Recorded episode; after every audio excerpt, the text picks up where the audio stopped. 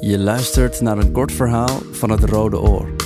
De erotische schrijfwedstrijd van het Vlaams-Nederlands Huis de Buren, Stichting Nieuwe Helden, De Nieuwe Liefde, Hardhoofd en The Rider's Guide to the Galaxy. Maanzaad. Heb ik jou gehoord? Dinsdagochtend zat je in de trein, in de Intercity naar Den Helder. Je was aan het bellen en praten over White Lotus. Wil je me bellen? Jouw stem heeft mij diep geraakt. X, muurbloempje. Hallo? Is dit muurbloempje? Mijn hart gaat sneller kloppen. Ja. Dit is Anna, de beller uit de trein.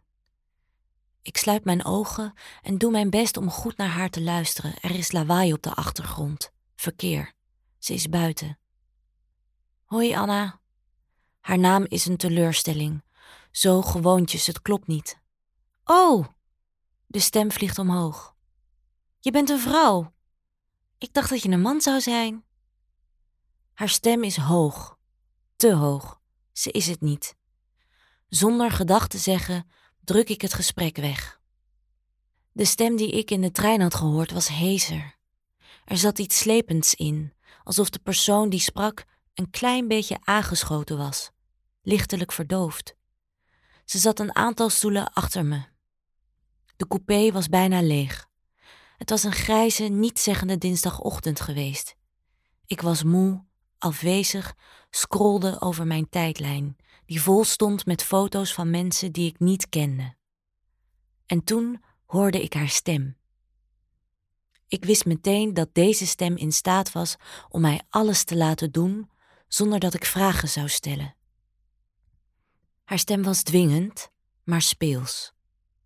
Mijn lichaam reageerde op het geluid. Mijn hals en wangen gloeiden. Mijn benen voelden als pap. Haar cadans was golvend. Naar haar luisteren was als naakt zwemmen in een donkere, warme zee, als zoutlikken van huid bijten in een rijpe persik. Ik had mijn ogen dicht gedaan en naar haar geluisterd. Ik wilde niet omkijken, bang om de betovering te verbreken. Helaas hebben er alleen nog maar gekken op mijn zoekertje gereageerd. Mensen die aandacht willen, mij in de zijk willen nemen. Mensen die hun vreemde politieke ideeën met mij delen. Of het laatste seizoen van The White Lotus willen bespreken een serie die ik zelf nooit heb gezien. Hun stemmen waren in het beste geval alledaags. Als een paar uur later mijn scherm weer oplicht, opnieuw een onbekend nummer, ben ik weinig hoopvol. Met een zucht neem ik op. Muurbloempje, hoor ik. Ja. Dit is Papaver, de stem uit de trein. Papaver? Dat is een bloem, een klaproos. Mijn lijf reageert. Ik voel mijn wangen warm worden. Ik denk aan de prachtige rode bladeren, het bedwelmende zaad. Wat een prachtige naam. Ik heb hem aan mezelf gegeven. Ik glimlach. Je klinkt nog mooier dan ik me herinner. Is dat zo? Ze lacht. Ik sluit mijn ogen. Ik heb je geraakt? vraagt ze. Ja. Waar? Overal. Ik hoor haar glimlachen, voel mijn hartslag in mijn hals. Mag ik naar je luisteren? Zonder aanmoediging begint ze te praten. Het is een verhaal, een soort sprookje, over een vrouw die geblinddoekt door een bos loopt. Ze laat zich leiden door een vreemdeling die een paar passen achter haar loopt. De geblinddoekte vrouw loopt over de paden. Het is nacht. Ze hoort het zachte geoe van een uil.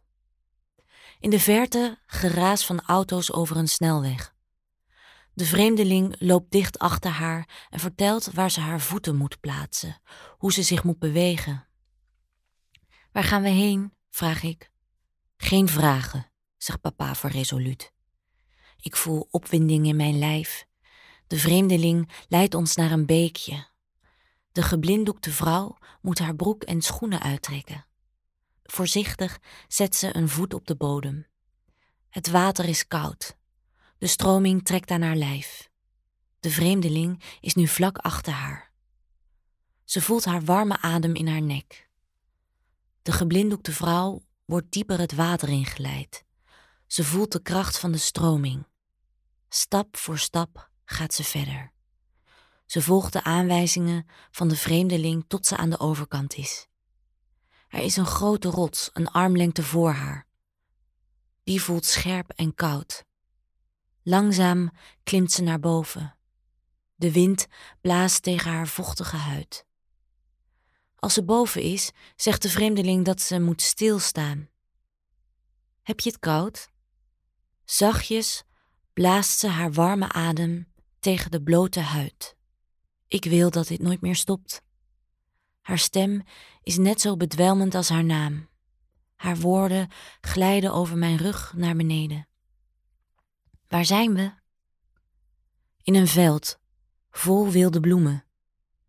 Ik voel het gras onder mijn voeten. Het prikt een beetje. De vreemdeling zegt dat ik moet gaan liggen. Ik volg haar bevel. Dan voel ik dat ze naast mij komt liggen. Ze ligt vlakbij, maar raakt me niet aan. Ik zucht. Er is nu alleen nog onze ademhaling. Ik ben Maxime Palet Dit verhaal is geschreven door Milou Voskuilen, een van de deelnemers van het Rode Oor 2023.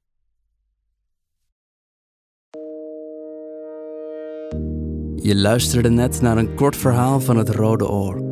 De erotische schrijfwedstrijd van het Vlaams-Nederlands Huis de Buren, Stichting Nieuwe Helden, De Nieuwe Liefde, Hardhoofd en The Writer's Guide to the Galaxy. Op deburen.eu slash het Rode Oor vind je meer informatie over het project, over de wedstrijd en kan je alle erotische verhalen van het Rode Oor lezen en beluisteren.